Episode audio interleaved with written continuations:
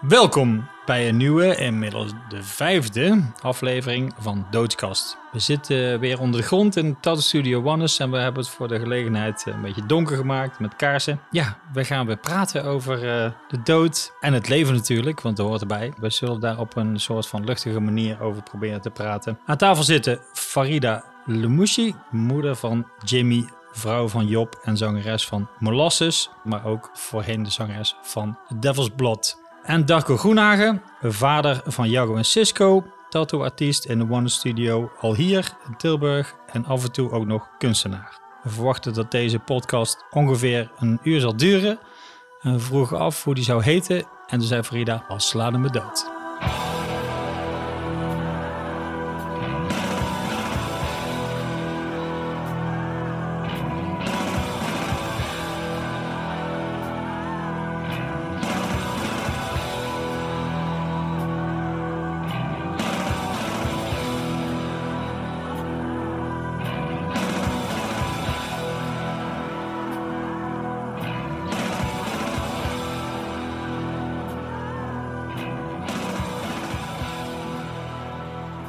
Welkom. Eh, ja, ja, welkom uh, Darko. Fijn dat je er weer bent.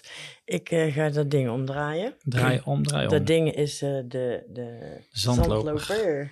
Die gaat aangeven dat we ongeveer een uur gaan praten. Gaan we die munt weer doen? Ja, dat is wel traditie, vind ik. Ja, zilveren knaken uit 1962. Goed, ik ga hem flippen. We, ga zeggen, zeg even wat. Maar misschien, oké, munt. Munt. Oh shit, veel te donker hier. Nog een keer. Dat is de leeftijd, hè? Munt. Ah, oh, niet waar! Dit is elke keer. Ik wou echt zeggen van als hij weer naar me toe valt, dan uh, geloof ik die munten niet. Maar ik heb ze bekeken. Het is echt waar. Nou, laten we doen dat als jij, als die munt op jouw ding valt, dat jij mag zeggen of ik een vraag moet stellen of jij. Ah, oké. Dus dan mag jij het zeggen. Nou, dan vind ik dat jij aan de beurt bent. Oké. Dan mag jij een vraag stellen. Of een kwestie voorleggen. Het hoeft ook niet per se een vraag te zijn, had ik nog bedacht. Nee. Je kan ook gewoon een onderwerp zijn waar je het over wil hebben. Toch? Maar... Nou, dat heb ik wel. Oké. heb ik wel. En uh, is heel specifiek op jou. Ah. En ik uh, had zitten denken, uh, nadat ik maar weer eens de 1000 volt epicenter had geluisterd hm. van de Devil's Plot. De ene laatste plaat, fantastische plaat. Uh, en ik wou eigenlijk terugkomen op iets wat ik gezegd heb eerder in de, eerder in de, denk ik, de eerste podcast over de hemel. Want het is een beetje, hoe zeg je dat? Een precair onderwerp. Je zou kunnen zeggen dat voor iemand die zelf graag niet meer wil leven, dat dat een soort van rooskleurig toekomstbeeld is. Doodgaan. Daar, is, daar heeft ook een aantal voordelen. En, uh, met name in de teksten van Salim Ebro en van Devil's Blood, die jij dus goed kent, want die heb zo zelf gezongen, doet hij veel beschrijvingen over. Een hele mooie beschrijving heeft hij heel, heel duidelijk heel erg goed over nagedacht. Het is heel mooi om te lezen, of om te horen ook.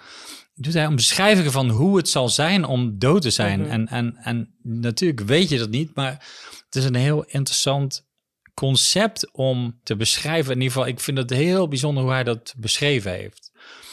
Uh, sowieso, zoals uh, het stond op de rouwkaart van jullie moeder. Uh, daar staat een tekst eh, van die plaat. Ja.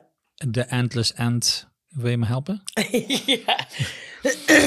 het dat, is, dat is een strofe, maar dat is de laatste strofe uit dat nummer. Van de laatste plaat, inderdaad. En dat is I fall into the mhm. spaceless space, the timeless, time, the endless end, neither here nor there, above or below, into the night I go. Ja. Dat is hem. Ja. Maar wat ik daar zo interessant aan vind, is hoe omschrijf je de staat eh, waar je je in zal verbinden. Kijk, ik legde de link met de hemel omdat dat ook een manier is om te omschrijven waar je naartoe gaat als je doodgaat. En dat is een heel raar, vaag, abstract concept. Mhm. En dat is super multi-interpretabel, zeg maar. Als je daar niet in mee wil gaan, zeg maar, dat er, zeg maar, hè, eigenlijk ook een hele rare term, leven na de dood is, dan kom je in een vacuüm of in een void of in een leegte, inderdaad. En dat, ja, ik vind het heel knap dat, eh, dat, dat daar zeg maar woorden aangegeven zijn. En ja, daar heb ik een beetje over na zitten denken. Want het is natuurlijk zo dat je vrij bent van al je zorgen en dat je je naam niet meer uitmaakt of je persoonlijkheid of alles valt van je af, zeg maar, in een moment of in een instant. En ze zou je ook als de hemel kunnen beschouwen om zo vrij te zijn daarvan. Dus ergens probeer ik eigenlijk een positieve kant te bekijken van, uh, van uh, aan uh, doodgaan. Ja. En, en dat heeft misschien voor sommige mensen is daar depressief om daar zo over na te denken. Maar aan de andere kant is het ook alweer. Zit die kant zit er zeker aan. Zo grappig, want toen we het over die hemel hadden, toen, toen vroeg je aan mij of ik me een voorstelling daarvan kon maken of daarvan maakte. En volgens mij is dat ook iets wat ik toen zei, van dat je dus lichtvoetig en helemaal niets meer. Uh, dat was mijn beschrijving eigenlijk toen. Van dat je geen zorgen meer hebt en dat alles goed is eigenlijk. Of... Ja, laten we zeggen in het gunstigste geval. Ja, is alles goed. zeggen, dan, dat is de rooskleurige of de, de romantische of de... Maar het ligt er natuurlijk ook heel erg aan wie want je zegt een depressieve, of dat mensen dat depressief van kunnen worden als je het daarover hebt. Of misschien dat je het verheerlijkt, of er zijn allerlei. Eh, maar het hangt er natuurlijk heel erg van af van waar jij, zeg maar, daar naartoe kijkt. Dus vanuit welk standpunt of vanuit welk moment je nadenkt over de dood. Hoe bedoel je? Nou, als je niet dood wil, maar je gaat wel dood. Ja of je hebt het nou specifiek. Ja. Nee, ja, dus, en, je, en, je, en je, je stelt je daar dan iets bij voor, dan is het waarschijnlijk niet zo een fijn vooruitzicht als dat je bijvoorbeeld uh, leeft, maar je wil graag dood. Ja. Ja, dat hangt heel erg af van, van, van waar je op dat moment bent, denk ik. Ja, in, in, in, met je geestelijke Geestelijk, staat. Ja. ja. Ja, dat is zo. Mijn collega Sjoerd, die was uh, gisteren een jongen aan het tatoeëren. En die had echt flink wat tattoos op zijn gezicht ook. Best wel jonge jongen. Ik zeg, wat, wat, wat, wat was, dan, wat was een speciale jongen? Hij zei, nou, die uh, is al zijn hele leven depressief. En uh, die, was, ja, die had besloten dat er gewoon een moest komen. En die had zoiets van, nou, ik geef mezelf nog een jaar. En in een jaar laat ik gewoon alle tattoos zetten die ik wil. Dus die had echt allerlei tattoos op zijn gezicht, onder zijn ogen en boven. En ja, ja, ik ga toch niet meer werken. Dus uh, ja, we gaan gewoon go, zeg maar. Dat vond ik ook wel weer uh, ja, bijzonder eigenlijk. Dat je dan ja, voor die tattoos kiest en ook voor eigenlijk korte termijn, korte termijn tato. Want dat ja, is het wel echt, ja. Ja, uh, ik heb zelfs ooit iemand in een hospice getatoeëerd die vlak daarna is overleden. Ik denk die tatoeage geheel is genezen voordat hij is gestorven. Zuns van die tato, maar niet, ja. Nou, zij was dolgelukkig mee. Ja, daar dus dat was echt heel, uh, dat was heel, heel, heel vet om te doen. Ja, dus wat je eigenlijk zegt is dat er komt een moment dat iedereen doodgaat. En, en dat moment de gaat er natuurlijk om en hoe, hoe goed je dat kan ervaren, aanvaarden. Kan natuurlijk heel plots komen of heel onverwacht of heel... Uh, maar, maar, maar ja, goed... Uh, ook, ja, als je zeg maar euthanasie toepast op jezelf bijvoorbeeld, als daar gelegenheid voor is, dan is dat, is dat helemaal gepland en dan, en dan kun je daarop voorbereiden en, en dan zal dat nog niet makkelijk zijn, maar dan, ik bedoel, ik stel me altijd voor, de vervelendste manier om dood te gaan zou zijn in een ongeluk. Weet je, dat ik, weet ik veel, op weg ergens naartoe ben en dat ik, weet ik veel, half, half gebroken uit een auto hang en, en dan denk, shit, nou had, dit had ik nog even tegen mijn zoon moeten zeggen. Of zoiets. Ja, dus dat je bewust bent van het feit dat je tegen de boom aanknalt of uh, onder... Ja, of ja, ja dus, ja. Uh, dus daar ja, helemaal gebroken. Wel, en, heftig, en, ja, ja dat lijkt me... Ja, of dat iemand anders je leven uh, neemt. Neemt, ja. Dat is ook heftig. Dat lijkt me ook wel. Ja, ja dat, is, dat klopt. Dat is denk ik ook extreem moeilijk te aanvaarden. Dat denk ik wel. Ja. Ook, zowel ook voor de nabestaanden. Ja. Als voor jezelf, als je dat weet of als je daar bewust van bent. De, wat meestal wel zo is, denk ik eigenlijk. Maar dat weet ik eigenlijk niet.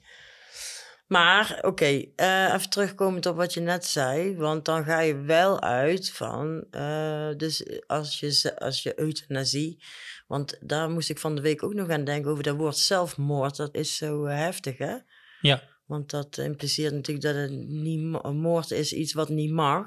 ja, zelfdoding of euthanasie, ja, dat is of gewoon je eigen leven beëindigen of zo. Maar in ieder geval, dan ehm, gaat het dus wel over. Jij, jij schetst nou een situatie waarin iemand daar lang en goed over nagedacht heeft. En eh eh, Nou, zoals. ik, ik, ik, ik, eh, ik probeerde een situatie te schetsen waarin iemand uitkijkt naar, Ja, ja, naar dat- te sterven en eigenlijk ook naar, het, naar dood te zijn. Ja, maar er zijn een hele hoop gradaties in. Ik heb, zeg maar, toen ik 30 was, toen was ik, nee, toen was ik eh 28. 28 en toen was ik zwanger van, van Jimmy, mijn zoon. Oké, En ehm, toen eh, heeft een neefje van mij, van ons, zelfmoord gepleegd. Oh, dan zeg ik het ook, want ja, Ja. zo noem je dat nou eenmaal. Ja. Dus die was 18. echt? Ja, Holy shit, en eh, heftig zeg. ja, dat was heel heftig. Die is onder een trein gesprongen. Oh ja, wauw. Dus de, die, wilde, die, wilde, die wilde dood. En Ja. die heeft daar heel erg, voor zover dat, hij- dat je dat kan dan misschien, goed over nagedacht. Maar ik kan me niet voorstellen dat, zeg maar, of ja, hoe, weet je wel, dus die- er is, die, ja, die is gewoon voor een trein gesprongen. Die, Ja. die, die, die, die hebben ze bij, met stukjes bij elkaar, weet je wel, hoe...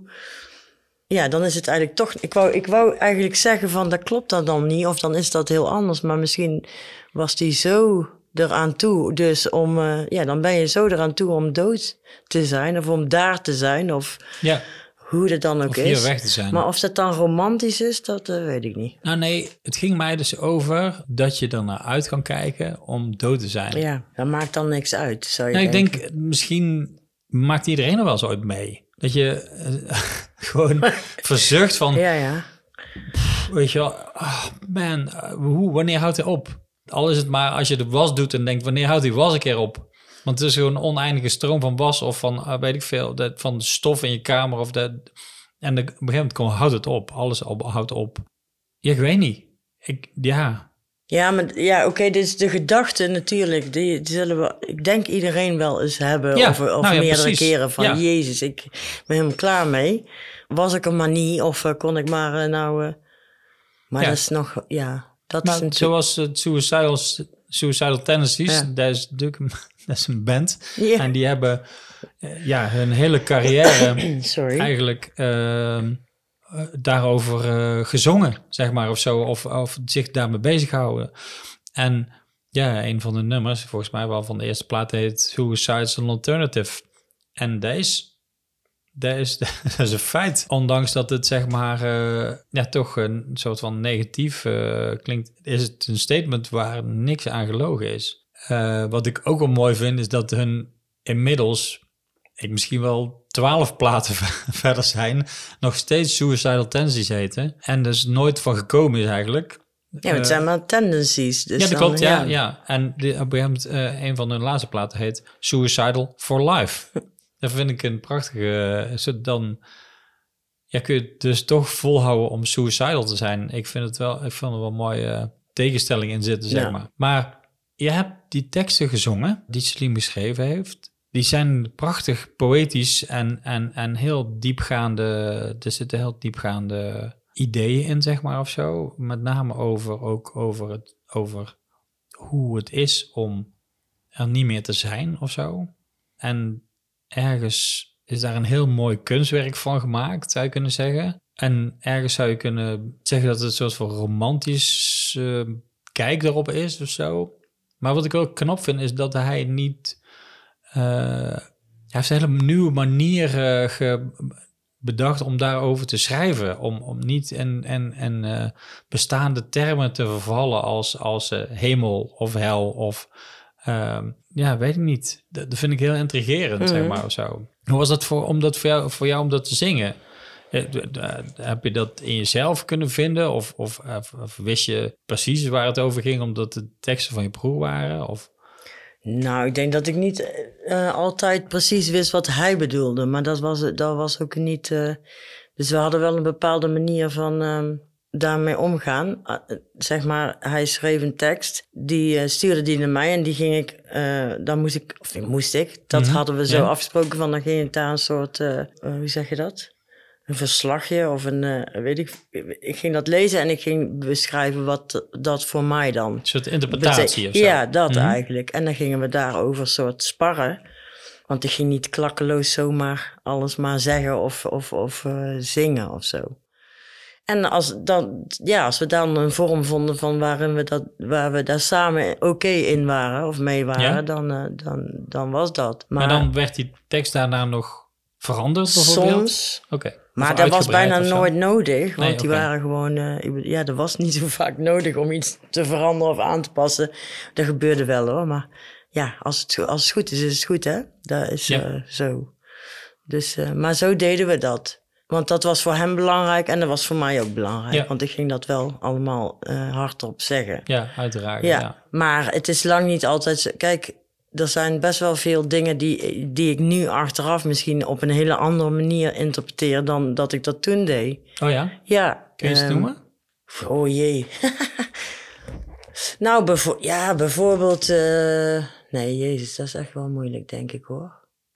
Dat vind ik een hele moeilijke vraag, want dan moet ik zo gaan eh, nadenken. Ja, je moet al die teksten door je hoofd eh, Ja, laten scrollen. jeetje. Dat is onhandig. Meestal, weet je wel, Ik kan de plaat erbij pakken, maar die teksten zijn zo uitgebreid ge- geschilderd dat het ook niet makkelijk eh, te, door te nemen is. Ja, ik, ik kan ze zo, ik, kan ze al, ik ken ze allemaal natuurlijk nog Ja. gewoon. Dus ik zou ze kunnen, kunnen citeren of ik zou even een liedje kunnen zingen, maar dat gaan we natuurlijk niet doen. Nou, inmiddels heb ik de teksten er even bij gepakt. Om heel eerlijk te zijn, druipt het er gewoon vanaf. Eh hier heb ik alle titels van eh, nummers. Te beginnen met The Graveyard Shuffle. Come a Reap is een uitnodiging aan eh, Grim Reaper, denk ik. Nou goed, dan nog wat White Faces voor de dust. Maar The Time of No Time Evermore. Dat zegt eigenlijk al alles. I'll be your ghost. Dat zegt alleen maar... Ik kan eigenlijk alleen maar dat soort...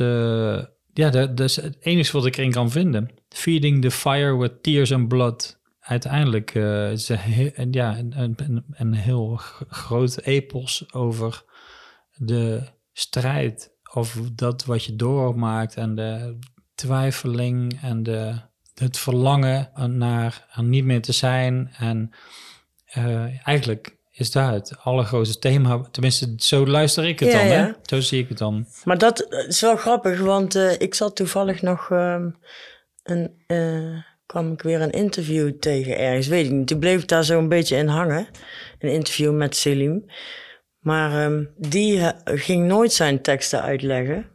Oh nee? Nee. Maar dan had hij ook een hekel aan. En dat is grappig, want ik hoorde mezelf dat in sommige dingen ook vertellen tegen interviewers. Van ja, als, als, als mensen aan je gaan vragen van wat bedoel je dan? Ja, dan moet je dus gewoon luisteren. Het is aan de luisteraar of aan de, aan de lezer of aan de Ja. kijker wat je ermee doet. Dat is jouw interpretatie. Ja. En dat, ga- dat, dat, dat, kun je niet eh, uitleggen of vertellen of voordragen van eh, je moet het zo zien of je moet het zo zien. Nee, daar ben ik het helemaal mee eens. Omdat je als iemand het, zeg maar, iets aan die tekst heeft op, zijn, op, op, de manier waarop hij of zij dat interpreteert. En je zou, de maker zou uitleggen van ja, nou zo heb ik dat helemaal niet bedoeld. Dan, dan valt die betekenis voor die persoon weg. Daar ben ik het mee eens. En ik kan me ook voorstellen, als je iets maakt of schrijft of speelt en je brengt het in de wereld, dan is het niet meer van jou. Nou ja, en ook het, het, het- tenminste, maar dat is misschien, ik weet niet hoe, hoe, hoe jij dat ervaart, maar dat als je heel intensief aan iets werkt wat uit je binnenste komt, zeg Mhm. maar, en uit je hoofd en uit je gevoel, en eh, daar moet je heel lang op broeden en dan, en dan uiteindelijk, na een heel proces, is er dat, dan is dat wat je net uitgelegd hebt, zeg maar. Ja, En dan voelt het zo van, ja, maar dat heb ik al gedaan. Dus eh, ja daar ik heb het al een vorm gegeven. Ja, wat, moet, wat ja, moet ik nog ja. meer erover ja, vertellen? ja. Dat is het, zeg Ja, maar. ja. En daar, daar, daar had ze die ook heel erg, weet ik. Maar daar, daar heb ik nooit bij stilgestaan. Maar ik voelde dat na die plaat van Molasses, want het is een standaard vraag. Ja, Wat bedoel je met Ja, eh, tuurlijk, ja, dat? ja, ja, ja. wat- Weet ik? Ja, dan zou je, ja, dat weet je natuurlijk wel. Of misschien wel niet. Het gaat juist om die dingen die je niet zo uit kan spreken... of waar je niet zo vorm aan kan geven... of niet zo... eh, daarom, tenminste, zo is het voor mij... en zoals denk ik voor Selim ook wel... dat je daarom juist een vorm zoekt waarin je dat wel kan. dat, is- dat is zeker waar. Het zijn, het is, eh, ja, hoe vertel je een gevoel? Ja, Of zo, dat, dat, is, dat kun je op honderdduizend manieren proberen. En dan is het nog steeds niet het gevoel. Ik kan je dat gevoel niet geven, ik kan alleen proberen te vertellen. je kunt zo. het omschrijven of... ja, eh, je kunt, ja. eh, ja. Als je het menu leest, kun je niet weten hoe het eten proeft. Nee, kun je een idee van Nee, nee, dus, hebben. ja. Ja. De vinger die naar de maan wijst, maar, de maan, maar dat is de maan zelf niet. Ja, Maar goed, Ja. het is wel, int- wel maar, Maar- toch vind ik het heel interessant om, omdat er zit een extra lading aan. Want uiteindelijk is het, zijn bijna al die teksten, zou je kunnen zeggen, een soort voorboden ja. van, van. Nou goed, Ja. in ieder geval.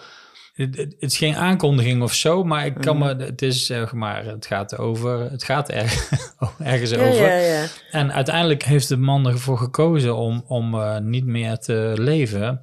En er was wel een soort van spoiler geweest als hij van tevoren had gezegd van, wat betekent die tekst eigenlijk? Ja, het betekent dat ik, eh, ja, dat ik over een tijdje niet meer ben.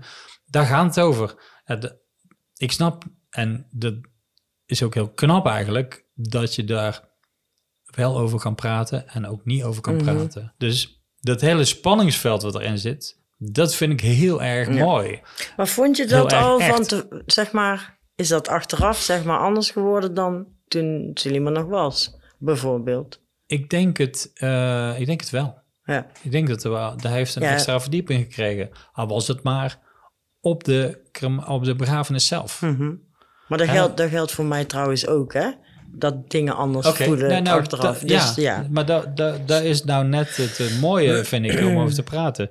Ik heb hier ehm I Was Promised a Hunt. Eh, dat is een prachtige tekst. Ik heb de, de, de- vind ik echt, ehm, ja, er zitten heel veel eh, mooie stukken in. Bijvoorbeeld, I know to, to, to act is pointless, but pointlessness is holy. I cast grain in unclean ground and see potential drowned. Ja, het, het- als je zeg maar besluit om een bepaald moment eh, in je leven, als je gezond eh, van lijf en leden bent, om te, te verkiezen om niet meer te leven, dan is het natuurlijk wel, dat is het verwijt om te zeggen, ja, maar het potentieel wat je weggooit of zo. En toch kun je daarvoor kiezen. En dat vind ik, eh is dapper en, en eh, eigenlijk is het bijna een soort dialoog met iemand zegt, ja, je- dat moet je niet doen. En eh, die teksten, eh, die geven zeg maar een antwoord. Een heel erg integer en echt antwoord over eh, ehm, wat de filosofie erachter is. En ook dat het heel bewust is. En, en, en met name de, eh, hoe zeg je het, het, het ehm, alle bezwaren en alles, eh, alles wordt in die, eh, in die teksten afgewogen. Dat, dat, dat maakt het zo ontzettend prachtig. Ja, zit vol met contrast. Mhm. Snap je? Nou goed, hoef ik jou niet. Ik snap dat je dat snapt. Nee, nee, maar ga door. maar- Ja, d- daar maakt het heel erg werkelijk of zo. Snap je? Dit is niet een. Ja, ik, ik zal de snap je even achterwege laten. Maar ik voel als ik die tekst lees dat het niet een soort filosofische exercitie is. Mhm. Of dat het. Je voelt echt van: oké, deze mens heeft alles gewikt en gewogen. En daar eh, gaat het over. Ik vind het heel, eh, heel intrigerend. Zo betekenisvol als iets kan zijn. Daarom vind ik het zo'n meesterwerk, denk ik. Het gaat iedereen aan. En, en hij heeft eh, daar zeg maar een, eh, ja, van die hele worsteling en eh, daar ehm, heel gedetailleerd en minutieus en poëtisch beschreven. En daar maakt het ontzettend aantrekkelijk, zeg maar. Zowel de integriteit waar iemand het, waar, waar, waar Slim het dan zeg maar mee benaderd heeft.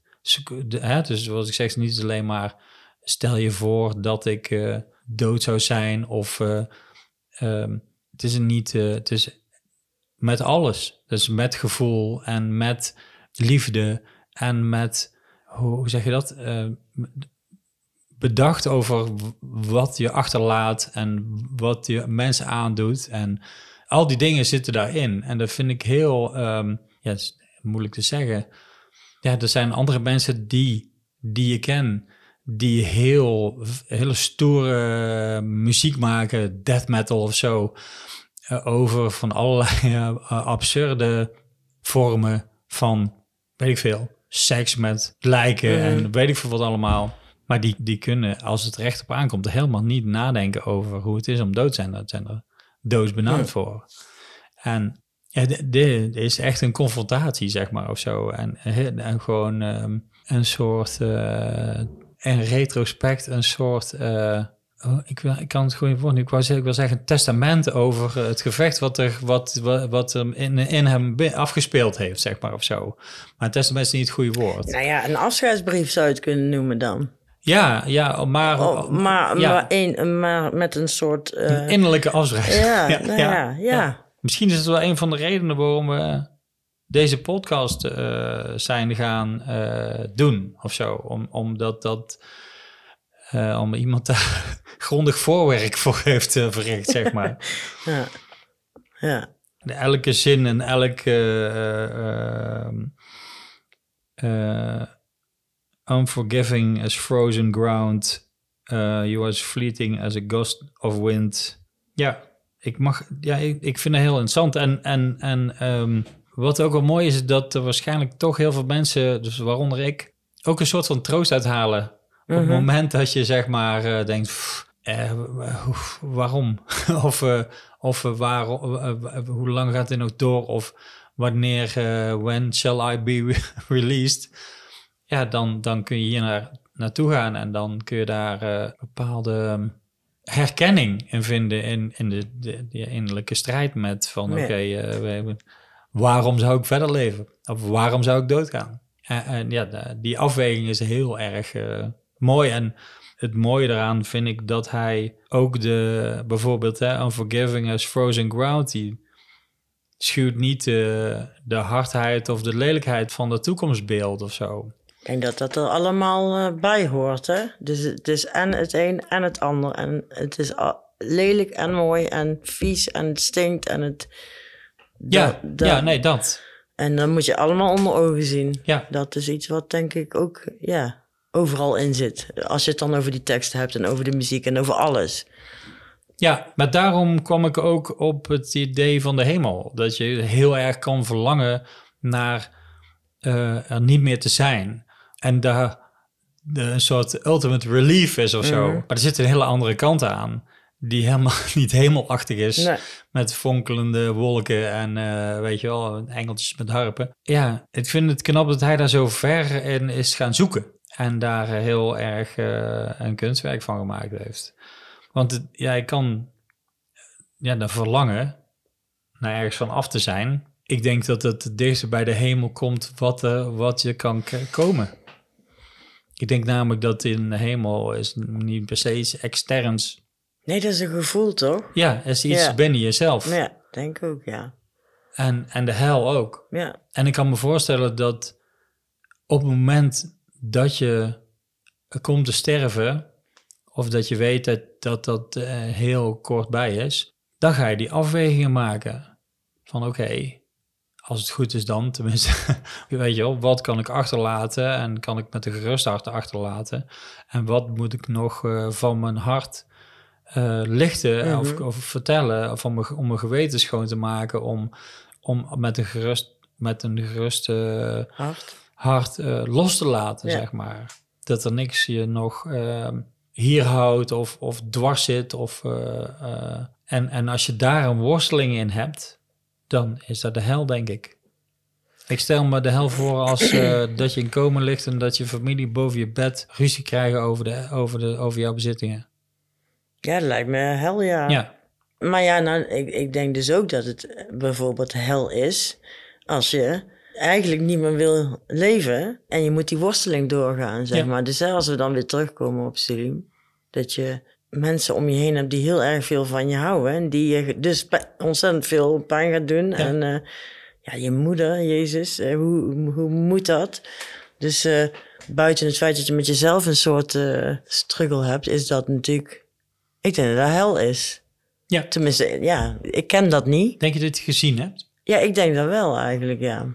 Die worsteling, daar ging hij wel gebukt onder, ja. Ja. Ja, Ja, dat kan me voorstellen. Ja. Dat is, en dat is ook naar om te zien, denk ik. dat is heel erg, ja. Ja. Ja, dat is... Dat is, dat is eh, als je iemand heel erg ziet lijden, waar je heel veel van houdt, is dat heel erg moeilijk om aan te zien. En als je eigenlijk niks kan doen voor diegene, dat is heel pijnlijk, ja. Nou ja, je hebt zijn teksten kunnen zingen. Nee, maar ik, ik bedoel, ik, het is niet zo dat ik door een hel ben gegaan daardoor, Nee, bijvoorbeeld. nee, maar je, je vroeg van, eh, kan ik... eh, Maar- jij zei van, eh, als je niet voor iets voor die persoon kan doen. Ah, zo op die manier. Jij kon de, Ja, tuurlijk. We de hebben. stem, stem zijn. Dat klopt. Maar in, in, uiteindelijk kon ik niks voor hem doen. Ik heb natuurlijk wel heel veel voor hem gedaan. En ja, daar vond hij ook heel fijn. Of daar heeft hij ook heel veel aan gehad. Maar uiteindelijk kon ik niks voor hem doen. Jawel, kon ik trouwens wel iets voor hem doen. Ik heb eigenlijk heel veel voor hem gedaan. Nee, Ja. dat is gewoon... Ja. Maar als je iemand ziet struggelen... En eh, zeker op het moment dat je er nog niet klaar voor bent om te zeggen... ik, sto- ik, ik stop ermee Mhm. maar je vindt of, of je wordt hier gehouden of, of je, het wordt niet geaccepteerd. Je gaat, weet je wel, je, Nee. voordat je moeder het oké vindt of zo, nou dan, dan, dan, en dat is de laatste persoon. ja, dat is de laatste persoon Ja. op deze hele wereld die gaat zeggen van nee, natuurlijk joh. Ja, maar daar, Ehm. daar tussen, tussen jou en haar staan nog een leger mensen die dat er niet mee eens, Ja. niet, niet mee eens zijn. Klopt. En je hoeft je niet te verantwoorden aan die mensen. Want je mag zelf beslissen wat je met je leven Ja, eh, nou, doet. ja, eh, de- tot op zeker. Dat is dus niet zo, eigenlijk. Althans, Hoe bedoel je wettelijk? Of bedoel je, eh, dat is heel moeilijk? Of, eh, nou ja, het mag niet. Het mag niet, wettelijk. Nee. Nee, ja, Eh. nee, nee oké. Ja, er zijn inmiddels natuurlijk allerlei eh, nuances aangebracht en zo. Maar in principe is het nog steeds zelfdoding zo. Maar is strafbaar. Ja. Ja, dat is zo grappig, want er zit inderdaad in het woord zelfmoord, Ja, zit zeg maar iets illegaals. ja, Maar zelfdoding is er al minder. dat klinkt al minder Ja. hard, hè? Ik vind het ook maar ik zeg, eh, ja, je zegt het soms eh, in de- gewoon zo zelfmoord, omdat het zo heet, al honderd jaar, iedereen noemt het zo, maar het klinkt heel onaardig en akelig en ik vind dat het in ieder geval, in Celine's geval zeker niet zelfmoord Nee, eh, was. nee, nee. Maar eh, ik was volgens mij iets aan het zeggen, maar dat weet ik niet meer zo goed. Nou, het Ehm. ging over, eh, eh, de, de, over dat de worsteling om aan de mensen, aan alle mensen om je heen te verantwoorden dat je de stap naar eh, buiten het leven gaat zetten, dat dat, dat zeg maar de hel is. En mensen zien dat als egoïstisch, maar je zou kunnen zeggen dat dat hun dat egoïstisch vinden, is ook weer hun, egoïstisch van hunzelf. Ja, dat is ook een hele gekke discussie, vind ik hoor. Maar goed, dat, dat, was niet waar. Wat ik wilde zeggen was eigenlijk dat het ook niet per se zeg maar die, die verantwoording is, maar gewoon moet je. Ik, ik, ik, heb me dat vaak genoeg geprobeerd om me dat voor te stellen hoe het moet zijn om weg te willen van deze wereld en echt, echt dat te willen, te voelen in, je, in alles, maar dat je dat niet kan maken voor je gevoel, omdat je dan je zus of je moeder of, ja, eh, of je neefje of, of je beste mate gewoon achterlaat. En ehm, ja, alleen daar. Hoe, hoe, dat je die dan pijn gaat doen voor de rest van hun leven, alleen omdat jij er niet meer wil zijn. Maar je wil het wel echt niet. Ja. Eh, dat hele gegeven, ja, dat, dat, dat is echt het is om gek van te worden gewoon. Ja, kijk, uiteindelijk komt er voor ons allemaal zo'n moment. En het is niet gezegd wanneer. We hebben de afgelopen paar jaar een paar mensen begraven die daar helemaal, eh, die hebben, hebben, daar niet voor gekozen. Ja. Maar die moesten wel een paar eh, kinderen achterlaten en eh, ook een moeder en ook een broer of een, weet je wel. Ja, inderdaad, maar die kozen daar dan niet zelf voor. Dus mm, het lijkt me ook hel trouwens, hè? Ja, Zeker, ja. maar in feite is het Ja. hetzelfde afscheid. Klopt. Ergens. Die kunnen alleen zeggen, ik kon niks aan doen. Ja. Maar dan zou je ook kunnen zeggen als je, weet ik veel, heel erg getergd wordt door het leven. Ja. Of je nou lichamelijk getergd wordt door het leven of nee, geestelijk ben getergd wordt door het leven. eens, ja. En dan kom je op, eh, als je geestelijk getergd wordt doordat je levend bent, ja, dat kun je niet zien aan iemand of dat kan een dokter moeilijk meten of zo. Ja. Ja, dat kun je ook nog verbergen als het uitkomt naar andere mensen toe. Maar naar jezelf denk ik niet. Nee, ik denk hoe harder je het verbergt naar buiten, hoe groter het eh, wordt van binnen Ja, zelfs. Hoe meer eh, eenzaam je wordt Ja. ook. Ja. Dus Ja. Dan, dan kom je uiteindelijk op de onverschilligheid van Mager Hein. Ik zag een plaatje van een grafzerk van Mager Hein met een blinddoek om. Die maait gewoon, hè? Die bevoordeelt niemand van tevoren. Dat toevallig zo jouw kop eh, op dat moment boven het maaiveld uitsteekt, dan gaat hij eraan. Ja, daarom heeft het ook wel, ook wel weer iets nobels of zo, om daar niet op te wachten. Kijk, eh, mijn oma was 90 jaar. Die was blind en die had een, die, een, een, een, een slechte heup en, en, en van alles en nog wat. Die heeft alles af moeten geven. En die bleef, die Die bleef, ging maar niet dood. die bleef, maar, die bleef maar leven. Toen zei je krijgt er van alles bij. Je kan nooit niks, nooit eens een keer iets teruggeven. En zo is het. Ja, Ja, ik- prachtig. Ja. Ja. Maar ja, dat is wel ehm, moeilijk. Want ik heb wel nou al een paar keer zo eh, mensen meegemaakt die doodgaan aan eh, ziektes. Mhm. En ehm, de ene zegt op een goed moment van... oké, ehm, ik ben nou al eh, zoveel dagen eh, zo misselijk... en ik moet zo, het doet zo'n pijn en ik moet Ja. zoveel overgeven... als dit nog één of twee dagen langer duurt, dan wil ik niet meer. Dan is het Mhm. wel echt klaar. Nou, daar had ik echt ook mega eh, respect voor en helemaal begrip. En oké, weet je wel, dat is, dat is goed. Dat bepaal je gewoon helemaal zelf. Maar ik heb ook iemand gezien die tot aan het einde gewoon is blijven staan. Hij- Ja, die viel gewoon om, Hm. om omdat dat dus niet meer kon. Waar ik op dat moment wel van dacht van jeetje, ja, geef, geef het toch op of zo. Ja. Maar van de andere kant denk ik, ja, dat wou zij niet. En eh, die heeft het gewoon volgehouden tot, tot, het- tot het...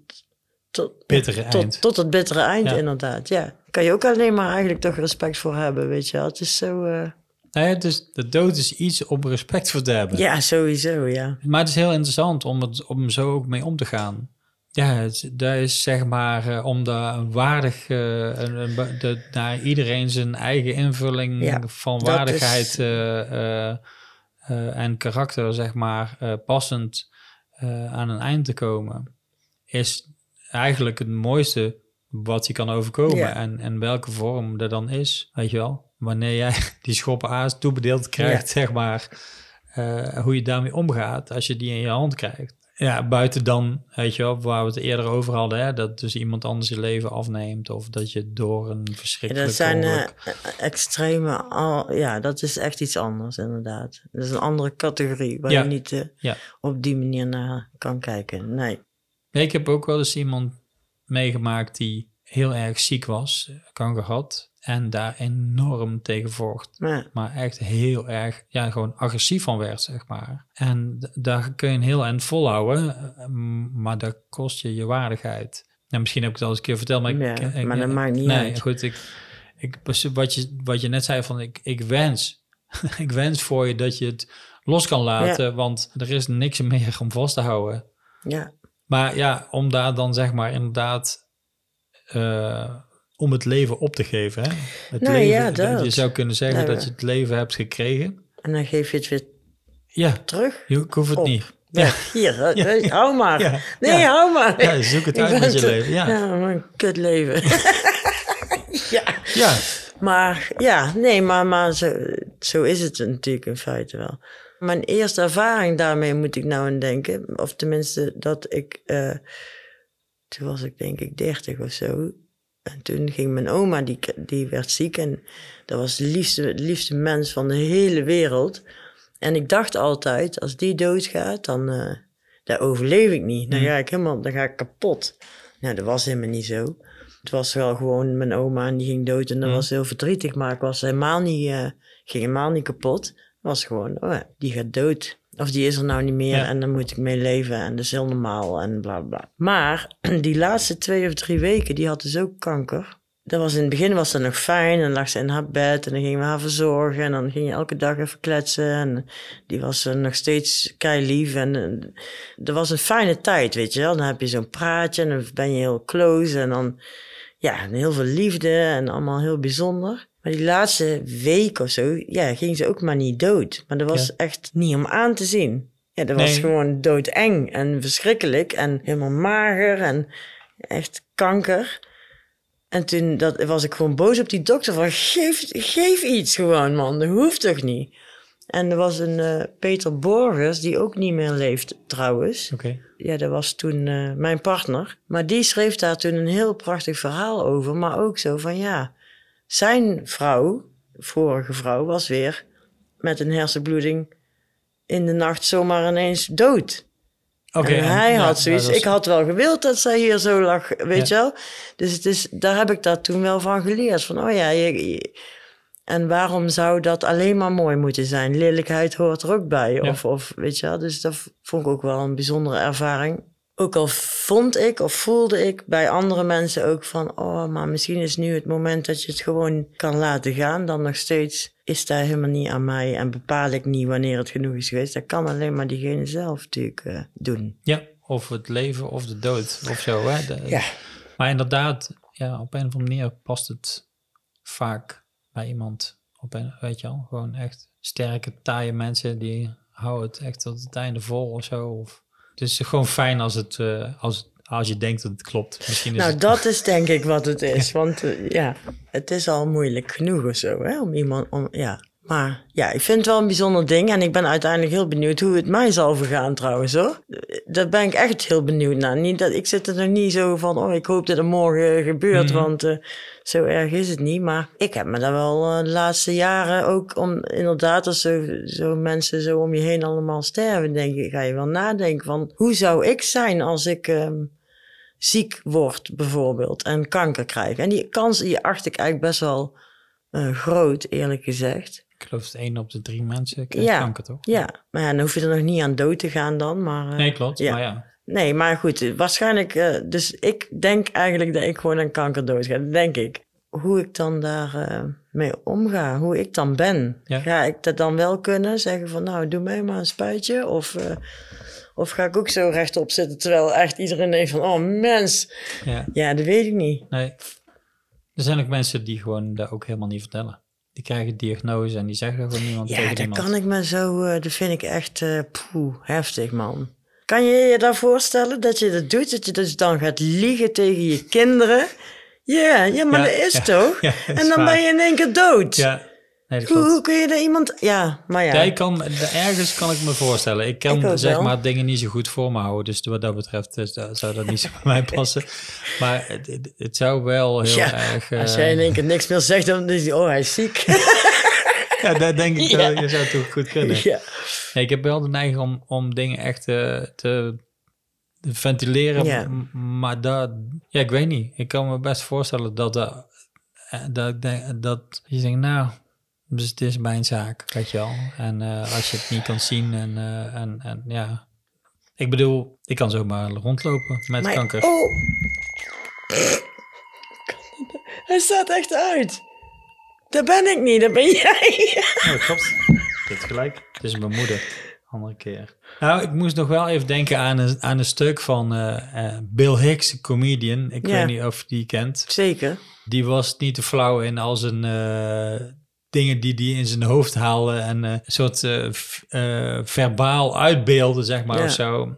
Die had een heel mooi punt over dat je oma in het ziekenhuis ligt en heel frail is. En dat ze daar ligt in een steriele omgeving met niemand die ze kent. En ja, ja dat, dat, dat je...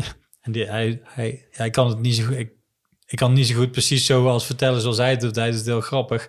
Dat ze daar ligt als een frail vogeltje. En je ziet de laatste, de laatste hartslag door de magere armpje heen gaan. En eh, weet je, er is niemand bij en er is helemaal geen troost. Eh, ja, dat weet je toch niet? Nee. Of wil je, want er zijn opties. Of wil je dat ze nog Chuck Norris ontmoet? Hè? Want ik vind dat ze gewoon terminale patiënten moeten gebruiken als stuntmensen in films. hey, waarom je, waarom moeder uh, verkleed als een overvaller? Hou je mond en ga van de set af. Nou, duw naar Chuck. heel, hij, hij, vertelt het helemaal en dan maakt hij ook van die geluiden.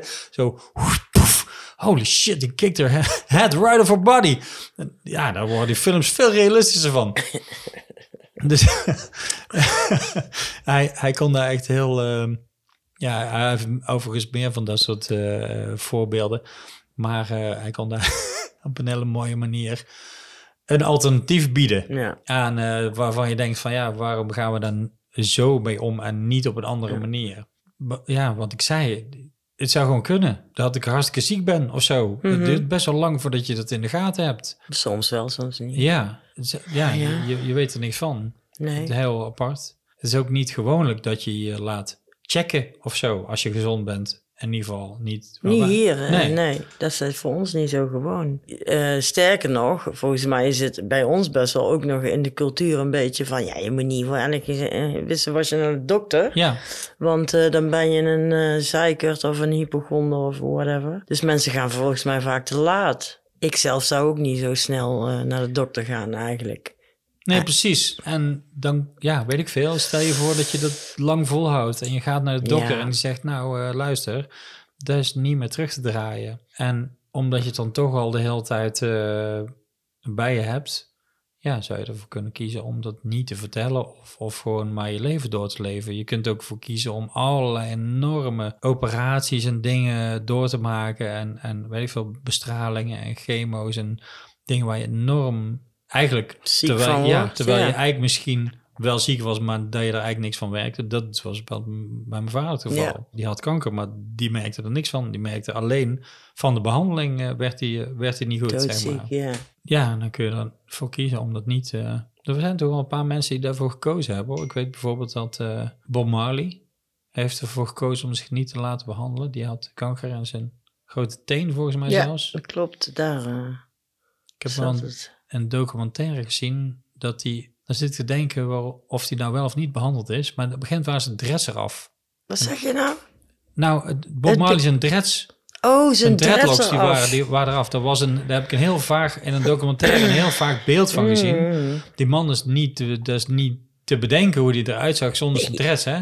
Dus dat, dat blijft een heel, was, bleef een heel min, Mager, min ja, mens, heel mens klein over. hoofdje Ja, heeft hij ja. maar. Volgens mij zelfs Einstein heeft ook eh, voor gekozen om zich niet te laten behandelen, zeg maar. Volgens mij had hij ook kanker. Ja, eh, ja, mijn moeder heeft er ook voor gekozen om zich niet te laten Oh behandelen. ja? Oké. Ja, ja dat snap ik wel. Oké, want? Nou ja, bijvoorbeeld in haar geval, eh, ze ontdekte dus zeg maar echt een tumor van, eh, ja, ik doe dat nou met mijn handen, maar dat kun je natuurlijk niet zien. Nee. Maar die was groot, echt heel erg groot en die zat midden op de lever. Dus toen ze dat zagen, toen zeiden ze al meteen, opereren is geen mogelijkheid, want we kunnen niet genoeg Nee. lever overlaten. Dus ja, moet je allemaal onderzoeken, bla bla. Toen kwamen ze dus uiteindelijk uit bij de levensverwachting. Bij de oncoloog kom je dan Mhm. uiteindelijk terecht en die zei ja, eh, een half jaar, ja, een jaar, maar het kan ook korter. Mhm. Ja, het zou ook misschien, maar langer in ieder geval sowieso niet. Dus dan eh, moet je gaan kiezen. En dan is het alleen maar levensverlenging. Misschien. Ja. Maar je gaat maanden, twee maanden of zo, moest heel heftige chemo. En dan eh, lig je gewoon bijna elke dag in het ziekenhuis en dan word je gewoon doodziek. Ja. Ja, daar heeft zij nog niet eens een half uur over nagedacht. Ze, Zo ga ik niet aan beginnen. Ja. Ik, Het is nou nog gewoon oké. En eh, waar heb ik eraan? Gewoon niks. Nee. Dus da, da, da- daar kan ik me wel iets bij voorstellen. Heeft haar daar ook echt iets opgeleverd, heb voor jouw gevoel? ja, ze is gewoon dood gegaan en dat ging allemaal heel snel. Ik denk dat het haar opgeleverd heeft dat het allemaal niet zo lang geduurd heeft. Uiteindelijk. Maar zij, zij heeft er, zeg maar, van de, wer- met, van de daadwerkelijke ziekte heeft ze niet heel veel geleden. Jawel. Behalve Ja. dan dat het heel snel ging. Of, Nee, nee, die is wel echt heel ziek geworden Oké. daarvan, ja. Ja, en die heeft, zeg maar, die zei op een gegeven moment, nou, nou, Nou nou, kan ik het niet meer hebben. Ja. En toen hebben ze, maar dat duurt dan nog een tijdje, maar dan, eh, Ze heeft haar eigen einde gekozen, zeg maar. Oké. Nee, die was wel echt, die, die kon niks meer. Die lag ook helemaal uitgemergeld eh, op een bedje en eh, die moesten we, of ja, die, die Alles moesten doen. alles doen, ja. Of we, zeg ik, maar ik dus. Ja. Als je 40 bent of als je 70 bent, is er natuurlijk wel bijvoorbeeld een heel groot verschil. Dus ik kan me wel voorstellen dat als je nog midden in je leven staat en je bent nog helemaal, je wil niet dood en je hebt kinderen, dan ga je alles misschien wel aanpakken om. eh, maar het levert niet altijd iets goeds op. Nee. Dat eh, heb ik wel gezien. Ja. Ja. Het is ook moeilijk hè, om dan zulke beslissingen te nemen. In de zin van, oké, ik ken ook mensen die gewoon eh hoorden dat ze ziek waren, die hebben gewoon alles laten vallen. Gewoon helemaal niks mee gedaan. Ja, oké, dan klaar.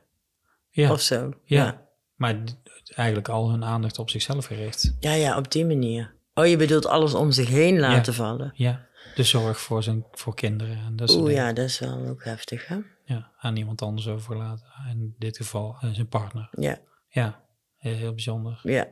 Ik weet ook niet of je daarop voorbereid kan raken of dat je daar dingen over kan leren om daar op een goede manier mee om te gaan. Maar wat wel zo is, is dat als iemand dus ziek is en doodgaat, ineens ehm, dingen. Als jij stom doet tegenover mij, dan zeg ik gewoon: hé, hey, Darko, doe even normaal of Mhm. zo. Maar als je ziek bent en je gaat dood, dan ineens is het te veel moeilijker om tegen jou te zeggen: doe eens normaal. Terwijl er eigenlijk, waarom kunnen we dat niet gewoon? Je zou er toch ook over dingen kunnen praten? Je zou toch ook kunnen zeggen: hé, hey, moet je nou zo, eh, kijk eens wat je doet? Of eh, weet- mm, Ja, dat gebeurt eigenlijk niet. Dat is wel moeilijker, denk ik. Ja. En, maar ik denk ook dat je, zeg maar, een bepaalde vorm... Kijk, er is uiteindelijk is sterven een egoïstische stap.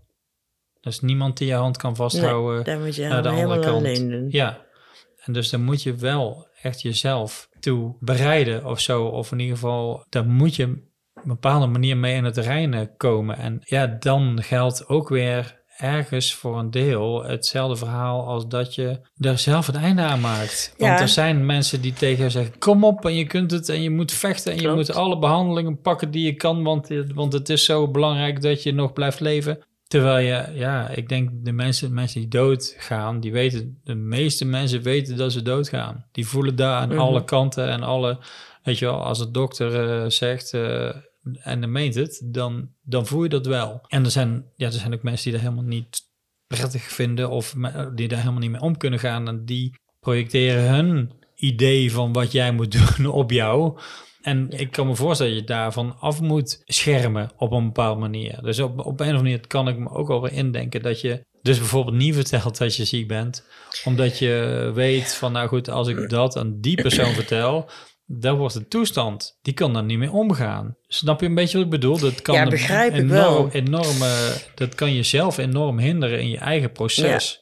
Eh, stel ik me zo voor, hè, want ik Mhm. ben natuurlijk nooit erheen gegaan, maar ehm, dus ergens is het een, een egoïstisch moment dat je aangaat of zo van oké, ik moet nou iets gaan doen wat ik, ik alleen kan doen eh, met mezelf. Dat doen dieren dus wel, hè? Een kat, als een kat sterft of gaat sterven, dan gaat hij ergens een plekje helemaal in zijn eentje zoeken en dan gaat hij daar dood. Maar dat doen beesten volgens mij. eh. Ik weet eigenlijk niet of dat bij alle dieren zo is, maar Maar katten is er wel zo, dat Ja. weet ik wel, ja. ja. Ik weet dat de olifant hebben een heel Ja, gezamenlijk die, eh, ritueel. ja. die rouwen in ieder geval wel ook. ja. Wauw. Ja. Ja, dat is wel echt Ja. een serieuze teken van Ja. intelligentie. Ja. Of niet? Die olifant, sowieso ben ik fan. Maar ehm, ja, klopt. Er is iets wat je alleen doet uiteindelijk. En eh, Ja, om het heel dramatisch te zeggen, het is je eigen kruis op te dragen, zeg maar, Ja. of zo. Als jij een bal kanker ergens op je systeem hebt zitten, ja, daar, daar wil, niet, wil niet zeggen dat je daar... ehm daar kan je enorm aan werken om daar vanaf te komen, maar het wil niet zeggen dat mensen kunnen je steunen, maar ze kunnen niet helpen dragen. nee, maar je hebt toch een bepaalde verantwoordelijkheid. Kijk, als het dan over Selim gaat, Mhm. die heeft wel zijn verantwoordelijkheid genomen. Ja. Vlak na zijn dood waren er een paar mensen echt heel erg boos op hem. Van hoe kun je dat doen? En hoe, Ja. Maar die heeft dat zo zorgvuldig gedaan. En die heeft dat met de mensen die, die dat toen deden echt eh, ja, gewoon eh, besproken of toestemming voor. Ja. Of, hè, gewoon echt, eh, ja, of die onze zegen kon krijgen. Zo moet ik het misschien zeggen. Nee, ik heb ook wel begrepen dat hij bepaalde mensen heeft opgezocht voor de laatste keer zonder dat hij gezegd heeft van, goh, de volgende week ben ik er niet meer. Maar ik ga nou nog even met jou met de hond wandelen. Dat vind ik ook zorg, zorgvuldig. Ja, is heel, heel liefdevol. Ja. Dat is ook. nou zorgvuldig en verantwoordelijk. en verantwoordelijk, zeg ja. Dat je achteraf denkt, oh, Ja. wacht even. Die kwam niet voor niks zomaar even een wandelingetje maken met de hond. Dus dat is eigenlijk een soort van eh, cadeautje achteraf of zo. Terwijl dit eh, een soort eh, dagelijkse gang van zaken is. Maar die verantwoordelijkheid, ja, dat is heel interessant. Ja. Dat is heel interessant, daar ben ik mee eens. Want ik kan, ik, ik, echt, ik kan me denk ik heel goed voorstellen hoe, hoe zwaar het is of zo. Heb ik gewoon gezien bij mensen om dat te dragen als je ziek wordt en je gaat dood en je hebt nog maar zo lang en weet ik veel. Maar je hebt, je hebt dat, daar hadden het de vorige keer ook een beetje over. Van je hebt, op, je hebt ervoor gezorgd dat deze mensen in je leven zijn, om je heen zijn, in je hart hebt gesloten. Daar heb je nou een verantwoordelijkheid Ja. voor. Dan kan je niet in één keer zeggen, ja, nou, eh, nou doe ik niet meer mee. Houdoe, dat, dat, is- dat vind ik heftig. Ja, heftig is het. Het Ja. kan wel. Nee, het kan wel. Het, kan ook. Het gebeurt. En, het, en het, je kan, het mag ook, want het- ja, wie ben ik? Maar ik zou er toch wel pissig op zijn, over zijn, misschien wel. Zo, dat geloof ik. Ja. Ja, nee, zeker. En het is heel moeilijk om over op iemand waarvan je van houdt die overleden is, om daar kwaad op te zijn.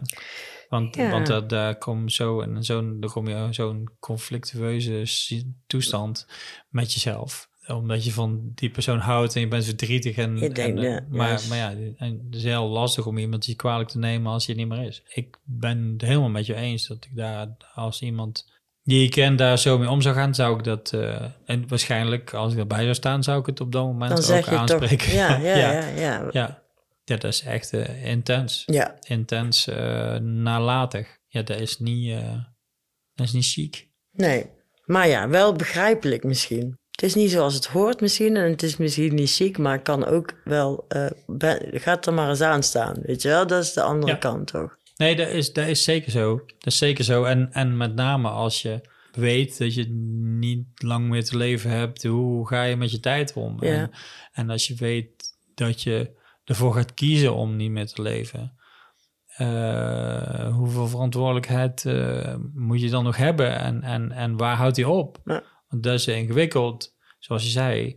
Hoe zorgvuldig iemand dat ook gedaan heeft. Er zijn altijd mensen die nog over de zeik zijn. Zeker. Ik weet bijvoorbeeld in Celine's geval heel goed dat er ook mensen zijn waar die ervoor gekozen heeft om het niet te doen. Hm. En ik weet ook wel waarom. Oké. Omdat, omdat dat niet werkte. Omdat die Of dan, omdat- ja, Ja. Of als je, als je iets met iemand, eh, of als een ander een gevoel zou krijgen, of het niet zou begrijpen waarom die er ineens is, dan krijg je dus een. En toestand. dan wordt dat een toestand, ja. Dat ging die natuurlijk niet opzoeken. Nou goed, dan moet je dan dus echt ook heel goed eh, in kunnen schatten. En, en, eh, maar ik denk wel, en dat denk ik ook wel een beetje uit die teksten te kunnen halen, dat er eh, in het aangezicht van dood wordt dingen ook heel erg helder. Mhm. Als het goed is, zeg maar. Je vroeg je af van, ja, kun je daarop trainen of kun je daar mensen op voorlichten of kun je ze daar iets in leren of zo. Ik denk wel dat het kan. Ja, dat denk ik ook wel. Ik denk ook dat je zeg maar kan zorgen dat het op zichzelf al niet zo'n eng en creepy iets is wat heel ver van je afstaat. eh, Dood. Dood. Ja, precies. Daar, dat, daar begint het. Ja, Ja. Ja, Ja. ja. maar dat is wel ook Ja. echt zo, denk ik. ja, Want dan, weet je wel, iedereen kan alles ten alle tijden overkomen. En daar moet je eigenlijk mee grootgebracht worden, in principe. En dan krijg je misschien wel ook niet van dat soort eh, extreme gevallen of, of moeilijke gevallen of zo. Als je leert om... Ik, ik weet niet, jij zei dat volgens mij een tijdje terug, van dat je iemand zijn vader verloor en die al oud was en helemaal eh, daar de kluts van, helemaal... eh, nee, denk, ja... eh, Weet je wel, Ja, het is heel normaal toch dat hij ja. doodgaat op een gegeven moment, weet je wel, van hé, hey, ja. dat, dat soort dingen, daar, daar, daar kun je, kunnen wij wel nog beter in iets mee in onze cultuur of in ons leven of zo. Van, eh, daar zijn we slecht in, toch? Ja, Nee, daar ben ik mee eens. Nee, ik vond het bijvoorbeeld mijn, dat mijn jongste zoon, mijn vader, terwijl, toen hij overleden was, lag opgebaard, dat hij, ik zei, raak hem maar aan. Snap je wat ik bedoel? Ja. Dat is, dat, voel, voel maar eens hoe dat voelt, weet je wel. Dat is oké. Het is gewoon dezelfde mens als, eh, als eerder. Alleen, weet je wel, dus er is eigenlijk niks vreemds aan. Alleen is het leven eraf. Ja. Dan kun je zeggen, ik heb een dode aangeraakt of zo. Maar daar is wel, dat maakt het minder afstandelijk. Eh, ik denk als je daar, zeg maar, vaker mee geconfronteerd wordt, ja, dan wordt het normaler. De, ja, Ja, dichterbij halen, zeg maar, of zo. is wel grappig, maar ik heb een gedicht. Oh, echt? Ja, Ik had geen tekst, dus ik Nee. ben blij dat jij iets hebt. ik ga het voorlezen. Het heet De Zelfmoordenaar. In het diepst van het woud, het was al herfst en erg koud, liep een heer in zijn eentje te dwalen. Och, zijn oog zag zo dof en zijn goed zat zo slof en hij tandknerste, al was hij aan het malen. Ha, dus riep hij verwoed, ik heb een adder gebroed. Nee, erger, een draak aan mijn borst hier. En hij sloeg op zijn jas en hij trapte in een plas. Het spattend slik had zijn boordjes bemorst schier. En meteen zocht zijn blik naar een eikentak, dik, genoeg om zijn lichaam te torsen. Daarna haalde hij een strop uit zijn zak, hing zich op, en toen kon hij zich niet meer bemorsen. Het werd stil in het woud en wel tienmaal zo koud, want de wintertijd kwam en intussen hing maar steeds aan zijn tak op zijn dode gemak die meneer tot verbazing der mussen. En de winter vloot heen, want de lente verscheen om opnieuw voor de zomer te wijken. Toen dan zwierf, het was erg warm, er een paar arm in arm door het woud. Maar wat stond dat te kijken? Want terwijl het zo zacht kozend voortliep en dacht, hier onder deze eik is het goed vrijen, kwam een laars van den man die daarboven hing, van zijn reeds lang verteerd linkerbeen glijden. Al mijn leven van waar komt die laars, riep het paar, en werktuigelijk keek het naar boven. En daar zag het met schrik dien meneer, eens zo dik en nu tot een geraamte afgekloven. Op zijn grijzende kop stond zijn hoed nog rechtop, maar de rand was eraf. Al zijn linnen was gerafeld en grauw. Door een gat in zijn mouw blikten mieren en wurmen en spinnen. Zijn horloge stond stil en één glas van zijn bril was kapot en het ander beslagen. Op de rand van een zak van zijn vest zat een slak, een erg slijmerige slak, stil te knagen. In een wip was de lust om te vrijen geblust bij het paar. Zelfs geen woord dorst het spreken. Het zag van schrik zo spierwit als een laken, wen dit reeds een dag op het gras ligt te bleken. Super gaaf. Ja, of Wie- niet? Super. Wie heeft het geschreven? Dit is eh, Piet Paaltjes Oké. en dat is een pseudoniem voor eh, François Haversmit. En eh, dat was een dichter en predikant uit eh, 1860 of 1870. Oké. Komt dit gedicht. Oh, Het vet. is echt het bekendste zelfmoordgedicht uit de literatuur. Kwam ik vandaag tegen. Super vet. Gaaf, hè? Nou. Ja. Ja, het is geweldig. Zullen we daarmee afsluiten? Dat lijkt me een hele goeie. Ja, oké. Ja. Nou, bedankt weer. ja, jij ook. Was een mooie. Ja, toch? Jazeker. Oké. Hallo. Allee.